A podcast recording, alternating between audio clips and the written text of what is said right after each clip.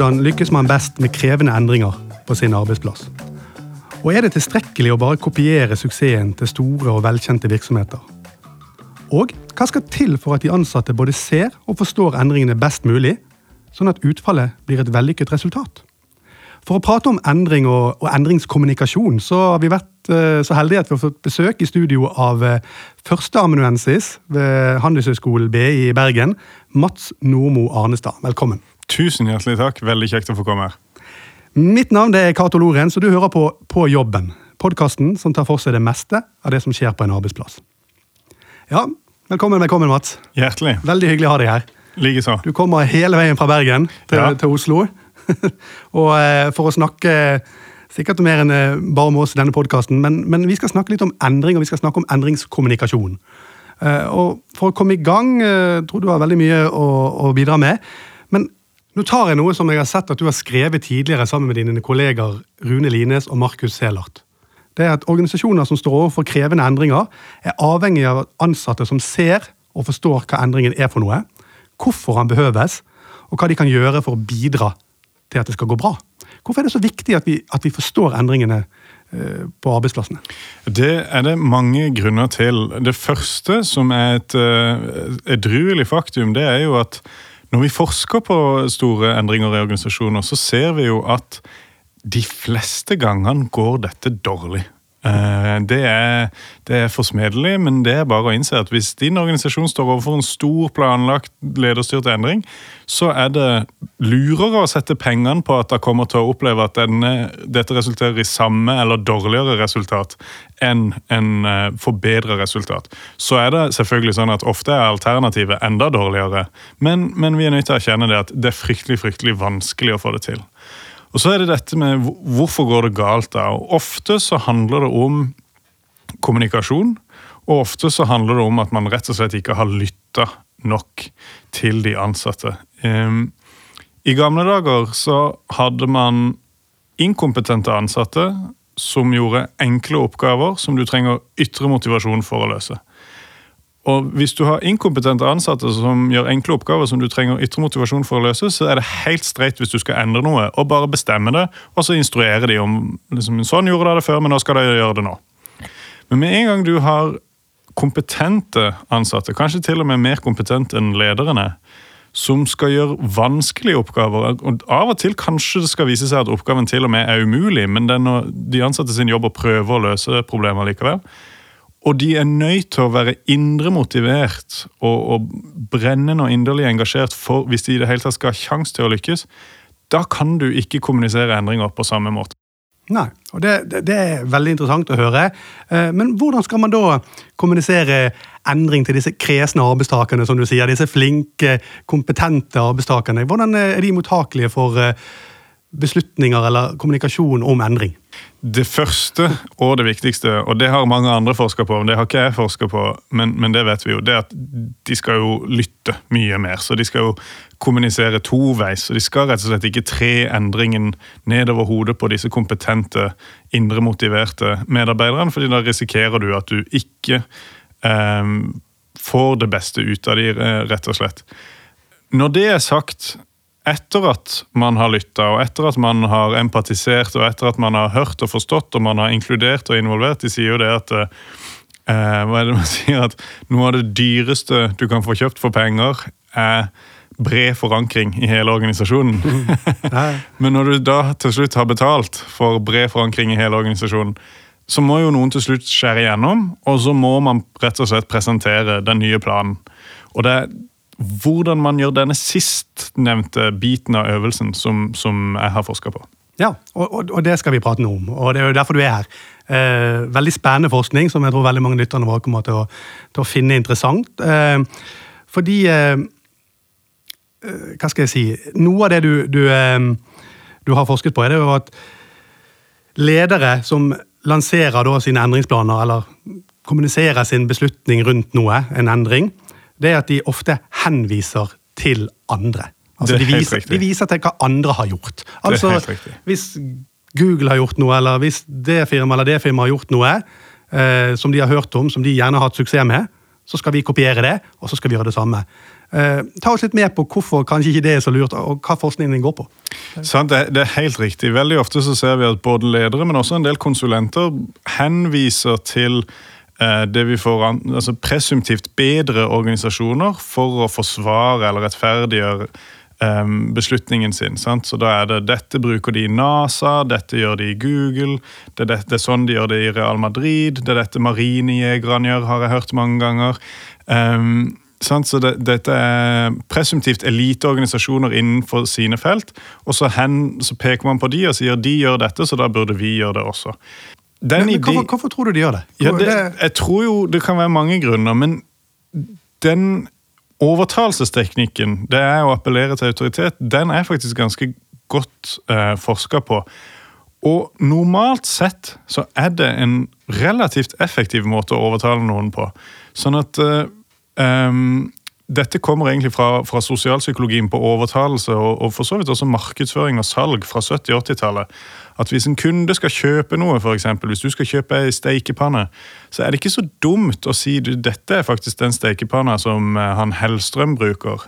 Eller hvis du skal kjøpe deg noen noe skistaver, hvis jeg da sier dette er de skistavene som Therese Johaug har, så vil du antageligvis bli litt mer positivt innstilt til de skistavene, for de har jo veldig peiling på hva de holder på med og, og, og, gode resultater, stort sett. Så, um, så, det må jo være Det er jo all grunn til å tro at dette, at dette er en god idé eller et godt produkt.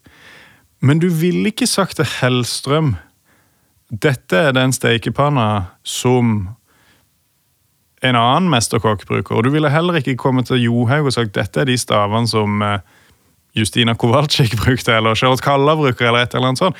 Da ville de sett rart på det, for de er eksperter på sine felt. Sant? De er eksperter på sine ting.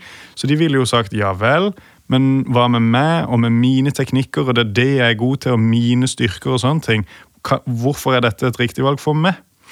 Så da er spørsmålet Når vi jobber på jobbene våre, er vi da mest sånn som sånne eksperter, som da ikke faller for sånne uh, henvisninger til autoritet? Eller er vi mer som amatører som står på G-sport eller Jernia og skal kjøpe noe? Det var på en måte de to ulike modellene vi hadde sett for oss da når vi skulle gjøre vårt eksperiment. Enten så viser det seg at de ansatte føler seg som eh, amatører, og i så fall så funker det fett å si dette er sånn de gjør det i Google og Facebook. Eller så føler de seg som eksperter, og i så fall så funker det ikke i det hele tatt. Ja, og, og, og da gjorde du noe litt spesielt. Da, eh, sammen med noen kollegaer så uh, brukte dere en skuespiller. og Jeg er veldig spent på å høre hva dere faktisk gjorde, og hva resultatet ble. Hva utfallet ble. Ja, sant. Um, når man forsker på hvordan ledere rettferdiggjør endringer ute i felten, så visste vi allerede at de lederne som sier 'kjære ansatte, vi skal gjøre sånn og sånn og sånn endring', og dette gjør vi fordi at uh, Og så henviser de. Facebook og Google og sånn. Da hadde vi allerede eller altså ikke vi, men forskning, hadde allerede vist at det gir dårlig effekt. I det at det blir lite oppslutning om endring, og man får også mindre tillit til ledere som gjør det. Problemet der det er at fordi det er naturlige observasjoner i felt, så kan vi ikke utelukke en god del forklaringer. Det kan jo meget vel tenkes at det er de lederne som bare er dårlige ledere, som velger å gjøre det. Usikre ledere som velger å gjøre det. Og det kan også være at det er de beslutningene som er vanskeligst å forklare, eller vanskeligst å forsvare, at det er da tilfeldigvis lederen bare peker på marinejegerne og Real Madrid og sier det er det disse gjør. Så um, vi trengte egentlig å ha en kontrollgruppe og en eksperimentgruppe, sånn som man har i eksperimenter. Så det vi da gjorde, var at vi ansatte ei skuespillerinne til å spille rollen som eh, CEO i et stort selskap. Mm. Og så filma vi henne der hun presenterte en, en, omfattende endring, en til dels kontroversiell endring, som et, et selskap skulle eh, utføre. Og så spilte vi inn to klipp til. I det ene klippet så rettferdiggjør hun denne endringen ved å eh, forklare hvorfor dette er ideologisk og strategisk riktig for sin bedrift. Mens i det andre klippet vi spilte inn, så forsvarer hun endringen med å si at vi ser at andre selskap gjør dette, og vi ser at de har gode resultater med det, og sånn sett så har vi valgt å gjøre det samme. Sånn henvisende. Og så tok vi da disse to versjonene av videoene, den samme endringsbeslutningen med den samme akkurat like karismatiske direktøren, men med disse to ulike rettferdighetene. Da viste vi det til et stort utvalg studenter, men alle studentene hadde arbeidslivserfaring. Og så spurte vi de hva de tenkte om endringen, i hvilken grad de hadde tenkt å De tror at hvis dette rammer de, at de ville støtte den endringen, og ikke minst hva de følte om denne lederen. Og, og, og resultatet viste jo da selvfølgelig at um, du får uh, signifikant mindre tillit til den lederen som uh, henviser når de skal rettferdiggjøre beslutningen sin. Hvis, hvis liksom årsaken til din leder sin beslutning ligger et helt annet sted. Det ligger ikke hos lederen, og det ligger ikke her i vår bygning engang. Det, ligger, det er noe de gjorde i San Francisco. Så kan man jo lure på ja, hva hvis de gjør noe annet i San Francisco? Kommer vi uansett til å bare gjøre det de gjør i San Francisco?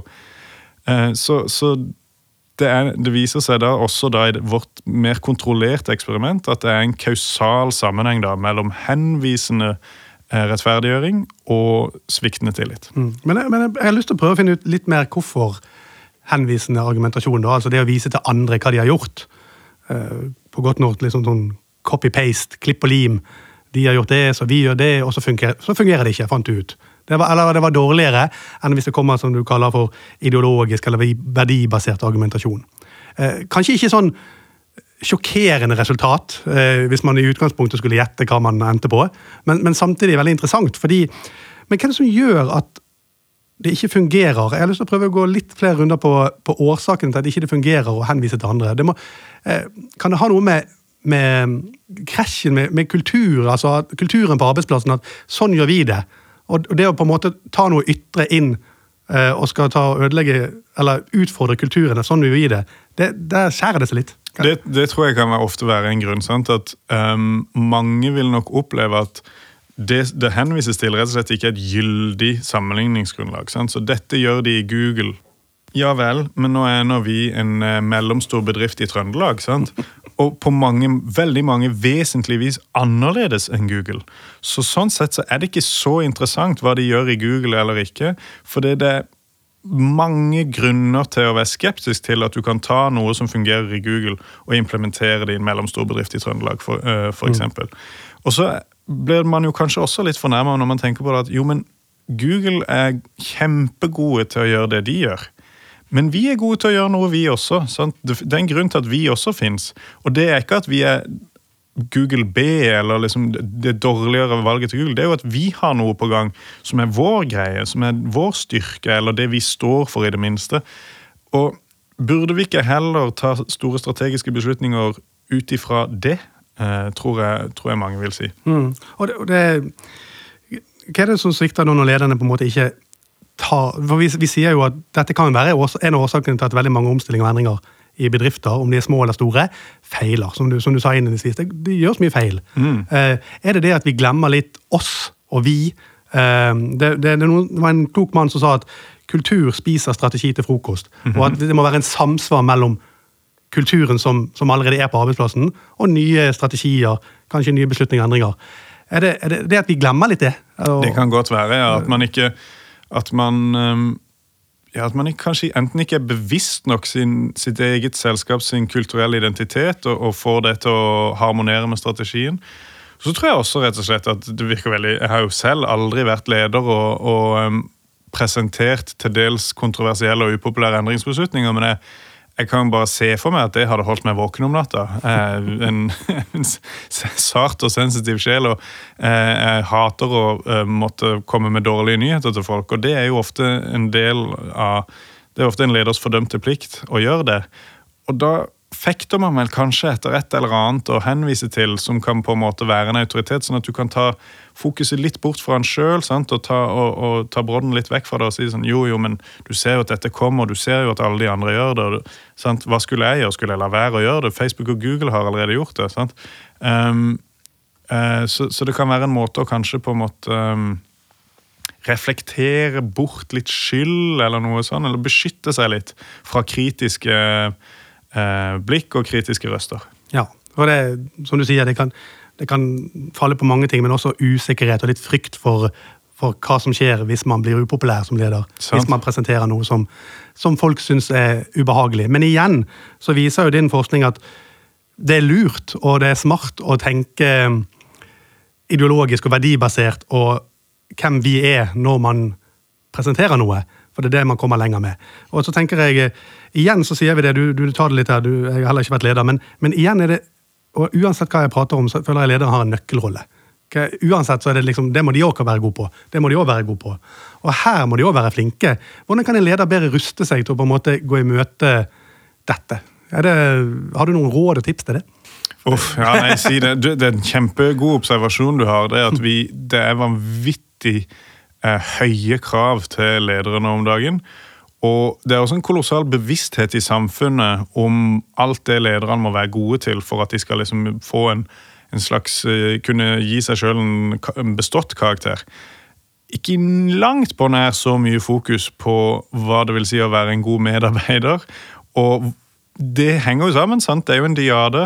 Og veldig ofte så opplever jeg at medarbeideren har opptrådt minst like kritikkverdig i måten de har oppført seg overfor lederen, men allikevel så, så, så tenker vi ofte på dette nesten som at medarbeiderne er alltid uskyldige. Sant? At de er barnet, og lederen er den voksne, og, og det, det, er uansett den voksne sitt ansvar osv. Uh, jeg tror jeg håper de neste 20 årene så får vi minst like mye fokus på hva som skal til for å gjøre lederen sin god. Når det er sagt, eh, så, så, er det helt riktig. Lederen sin fordømte plikt er å uh, få dette til. Um, jeg tror jo kanskje at um, jeg, jeg, vet ærlig talt ikke hva som skal til for å, for å tåle å stå i det, men jeg tenker jo kanskje at hvis du har snakka mye med dine medarbeidere, så kan du antisipere reaksjonen deres litt bedre. Og Da kan du jo vite det at når jeg nå kommer, så kommer jeg til å si at vi skal gjøre dette. og Da kommer de til å bli sure. Så kan du kanskje reflektere over i forkant at da skal ikke jeg falle for fristelsen til å peke på noen andre og si at jo, jo, men eh, alle de store på Aker Brygge har gjort dette nå, så vi må også. Da skal jeg stå i det. Så skal jeg si at nei, faktisk, jeg skjønner at dette er vondt, eh, men, men dette er nok riktig. Mm. Og, det jo, eh. det, og, det er interessant, fordi jeg nevner mange kloke mennesker, men nå skal jeg nevne en klok en som, som sa You must be the change you wish to see in this world. Det var Gandhi som sa. Ja. Og da tenker jeg også, Du kan ikke lede noe som må være den endringen de ønsker å se i sin egen organisasjon. Absolutt, og der har du denne med, med kultur og strategien som er nødt til å passe sammen. sant? Uh, I Amazon så var det veldig godt kjent når, de, når det selskapet vokste opp, at hvis du dro på jobbreise der, så skulle du bo på noe av de rimeligste hotellene som du kunne finne innenfor rimelighetens grenser eh, til der du skulle. Og Jeff Bezos selv eh, bodde eh, relativt spartansk på jobbreiser. Det hang jo sammen med Amazon sin strategi om at de skulle bli lavkostleverandør. Og Da er du nødt til å ha et helt sånn fanatisk fokus på marginer. Og da, og da, da må man eh, da må man ha kostnadsfokus i alt man gjør hele tida, hvis du skal klare å få eh, få liksom eh, marginene til å gå opp. Kontraster det til Steve Jobs og Apple, som da var kjent for å kunne ha noen ganske store reiseregninger. Og også tillot, uten å reagere hvis noen Apple-ansatte hadde ganske eh, formidable reiseregninger med, med relativt eh, luksuriøse eh, ting ført opp på den, og det var jo fordi at Disses filosofi var jo at koste hva det koste vil, vi skal ha det mest perfekte produktet. Sant? Vi skal, eh, vi skal ikke spare oss til eh, det minste eh, eh, tegn på mediokritet. Og han fikk jo sparken den første runden han var CEO, nettopp fordi han nekta å sende fra seg produktet. fordi han sa det er ikke perfekt enda? Det må være helt perfekt. Og Det er to vidt forskjellige strategier. Og da, da, er det interessant å se at til og med i kulturen på hvor du kan booke hotell på jobbreiser, så skal det da ideelt sett slå ut. Og Jeg tror det er sånn man må tenke egentlig også om, om endringsbeslutninger. sant? Hvem er det vi er, hva er det som er strategien vår? Ok, Hvordan skal vi da tenke om å forsvare denne endringen? Mm. Ja, og det er kjempespennende å høre. Og eh, En annen ting jeg har lyst til å, å, høre med deg om, det er at det henger jo sammen, men for at, for at, eh, at eh, de ansatte skal da lettere ta seg til beslutningen om en, om en endring. Eh, forstå den bedre, som vi, som vi, snakker om. Eh, kan man gjøre den mer eh, appetittlig for å, med å på en måte ta den litt sånn sakte inn. Eh, fordi at Nå snakker vi om kulturen. Det er det som på en måte vi er. Det som på en måte har vært. Og så kommer det, hvis jeg ser på endringen som noe sånn ja, Kall det nytt, noe ytre, noe som på en måte i gåsetegn truer oss litt. Grann, eh, logisk sett fra min egentlig hjerne betyr det at man bør kanskje ikke rushe den, få den raskt inn, men kanskje samsvar med kulturen, få endringen rolig inn. Ta f.eks. en fotballklubb som, som veldig ofte fotballmanagere kommer, og de kommer en ny manager for en fotballklubb. Og så skal de totalendre klubben med en gang, med ny stil og ny formasjon og nye tanker. Men det går sjelden bra. Så, så, de som på en måte tar litt og litt, kan man tenke sånn? Jeg deler det inntrykket absolutt når det kommer til eh, profesjonell fotball. Jeg synes Det snakkes veldig mye om hvor store budsjetter de ulike managerne får når de tiltrår til å handle spillere. Men det snakkes altfor lite om hvor langt tidsbudsjett de får. sant? Og Det burde jo være en, egentlig en del av den utvida kontrakten mellom manageren og klubb. Det burde jo være ok, hvor mange sesonger på rad får jeg lov å komme på åttendeplass? før, eh, før det blir utålmodig og sparker meg ut. sant? Eh, tid er jo blitt eh, et mer relevant knapphetsgode på det nivået der egentlig enn eh, en penger så får man det dilemmaet da i organisasjonslivet. det at Veldig ofte når en organisasjon gjør en endring, så innser man jo i det man gjør endringen at shit, jeg skulle ønske vi gjorde dette for to år siden. Sant? For vi ser at dette her kommer. Så når du da skal for digitalisere en bank, så er det noe som det kommer veldig brått. sant? Eller når sosiale medier plutselig kommer og, og da liksom skyller over um, alle markedsføringsselskaper i, i, Norge, så innser man at søren også, jeg skulle ønske vi var klar med en hel sosial medieavdeling i fjor, sant, før dette skjedde. Så tid er alltid, alltid et knapphetsgode. Um, jeg tenker Det er vel så viktig å, å være bevisst dette med, med, at ting tar tid. Så er det jo også det å innse at når vi spør ledere hva de føler om endringer, så er de alltid vilt mer positive enn medarbeidere. Og når vi spør ledere hvor mye kontroll de føler de har overfor sitt eget liv og virke, pre-endring, underendring og postendring, så sier de mye, mye mer. Mens de ansatte føler de mister kontroll. Når vi spør ledere i, vil, i hvor høy grad vektlegger du alt det kule du kommer til å få som konsekvens av denne eh, eh, endringen, og i hvilken grad vektlegger du alt det gode som du nå dessverre mister pga. endringen, så ser vi jo også at de er mye mer opptatt av det de får, enn det de mister, relativt til non-ledere. Så jeg tror jo ofte at ledere må um, Når de begynner å anklage sine medarbeidere for å være sirumpa, og for å være um, dogmatiske, og for å score for lavt på personlighetstrekk og åpenhet og alle andre mulige anklager, så må man kanskje innse at jo, men fordi det har forskjellige roller, så oppleves dette veldig annerledes. Og så blir jo kanskje idealet da å tenke ok, hvordan kan jeg behandle medarbeidere midt i en endringsprosess som gjør at de egentlig reagerer sånn som ledere ville reagert. Da, da ligger det jo litt i det. sant? At, ja, Hva er forskjellen? Jo, ledere har mer ansvar, mer myndighet, mer påvirkningskraft, eh, mer tillit. Kanskje hvis vi gir de det, så, så vil de reagere som ledere reagerer. sant? Mm. Ja, og det, det, er kjempeinteressant, det du sier. fordi eh, og Jeg hadde lyst til å spørre litt om tillit. fordi at eh, spole tilbake igjen til dette med at uh, denne verdibaserte ideologiske argumentasjonen som du snakket om, som fungerer best, som, som ditt uh, forsøk fant ut. Fordi det er vel også noe med tilliten. tenker for meg sjøl og for veldig mange andre, og veldig mange episoder med podkaster vi har snakket om ting på arbeidsplassen, så er det tillit som går igjen. Tillit, tillit, tillit. Man har tillit til ledelsen man har tillit til organisasjonen. Og det er vel nettopp det man får hvis noen argumenterer ut ifra verdier og ut ifra ideologi. Eh, ja, eller Vi hadde jo faktisk en betingelse i vårt eksperiment der lederen brukte begge deler. Ja. Så lederen eh, forklarte endringen, og så sa, eh, sa hun at eh, vi ser at andre bedrifter gjør dette og lykkes veldig godt med det. Og ut ifra vår eh, ideologi og vårt verdisyn og, og, hvem vi er og vår strategi, så er dette riktig for oss. Så begge deler, altså.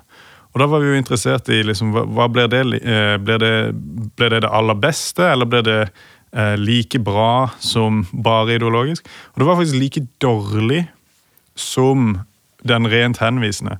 Så ut ifra det så konkluderer vi forsiktig da, at det kan se ut til at det er tilstedeværelsen av sånne henvisninger til andre som er skadelig, ikke fraværet nødvendigvis av ideologiske begrunnelser. Hva er årsaken til det? da? Er det fordi at uh, folk liker rett og slett ikke å rappe ting for andre, fordi at det krasjer sånn med med vår og oss. Og vi liker nok ikke at mennesker som har makt over våre liv og ting vi bryr oss veldig om, sier at de beslutningene de tar, og den makten de da bruker, at den på en måte har sitt opphav et annet sted, og at de følger eh, følger trender blindt, rett og slett. Vi vil at de skal være tenkende, evaluerende, reflekterende individer med ryggrad som sier at jo, jo, vinden kan blåse den ene veien eller den andre, og av, ofte skal vi gå med vinden, men ikke alltid. Og når vi går med vinden, så er det ikke egentlig fordi vinden blåser den veien, det er fordi at det passer tilfeldigvis med der vi tenkte at det var riktig for oss å gå. Så jeg, jeg tenker det at eh, Du kan tenke deg litt sånn når du var tenåring og sånne ting, hvis du hadde sånne venner som du fikk inntrykk av at eh, hvis noen andre på ungdomsskolen hadde sagt at du var teit, så ville de slutte å være vennen din. Så ville du tenkt at å ja, ok, det, ikke, ikke, da kan du ikke stole like mye på vedkommende. sant? For det, det, akkurat det der med å, å ha denne her eh, årsaken til egen atferd inni seg i stedet for andre, det er jo ofte det vi kaller for integritet. sant? Og det er veldig vanskelig å ha tillit til noen som ikke utviser integritet, men som heller ja, går der vinden blåser. Mm. Ja, og det, det, er rart. altså. Det er fascinerende og rart. Jeg sier rart fordi at vi, som vi sa innledningsvis, vi, vi, er jo så glad i å kopiere alt annet på alle andre arenaer. Om det er ut ifra reklame, som du sa, eller steikepanner eller ski. Men på jobben der, der, er vi litt sære og litt kravstore. Ja, vi er eksperter. sant? Eksperter. Uh, selvfølgelig, jeg skjønner veldig godt at det er mange som er flinkere enn meg til både å, å undervise og til å forske, som er mine to jobber.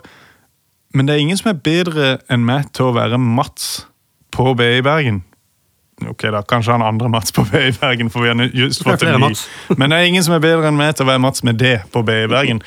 Og, eh, så sånn sett, så Hvis noe skjer der, og det henvises til at jo, men sånn gjør de det på Harvard og sånn, dette er jo, det, dette er jo sånn man, det er jo de man henviser til når man skal ta upopulære endringsbeslutninger i, i forskning og undervisning. Det er det Harvard gjør det, Yale gjør det, på Stanford har de gjort dette lenge, og på Wharton som er business-skolen til University of Pennsylvania, tror jeg, der Donald Trump gikk.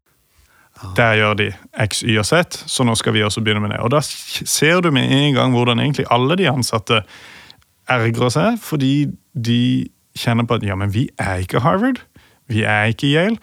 Det beste vi kan bli, er ikke en dårlig kopi av Harvard eller Yale heller. Det beste vi kan bli, er den beste versjonen av oss sjøl. Så hvorfor er dette riktig for oss? Ikke hvorfor var dette riktig for Harvard. Men er det skal jeg bare spørre, Litt tåpelig spørsmål, men eh, kan det hende at det går så langt at vi blir litt barnslige i, i motstanden vi viser hvis det kommer eh, til at man viser til andre? For det er vel noe vi kan kopiere og, og lære av andre? på tross alt? Det, det er masse vi kan kopiere og lære av andre. og eh, Det er veldig viktig at alle som hører på dette, ikke tror at det er eh, det vi sier, er at ledere og konsulenter ikke burde ha følerne ute for å lære av hva som er best practice innenfor sin egen industri og tilstøtende industrier. Tvert imot. Selvfølgelig, du må ha følerne ute, og du må se hva det er som beveger seg i det miljøet du opererer i. Dette er kun dette at når du har tatt beslutningen, når du skal få med, få med de andre, når du skal selge inn at dette gjør vi nå, så burde du ikke falle for fristelsen til å, peke på eh, noen i Silicon Valley og så si at uh, disse har gjort dette.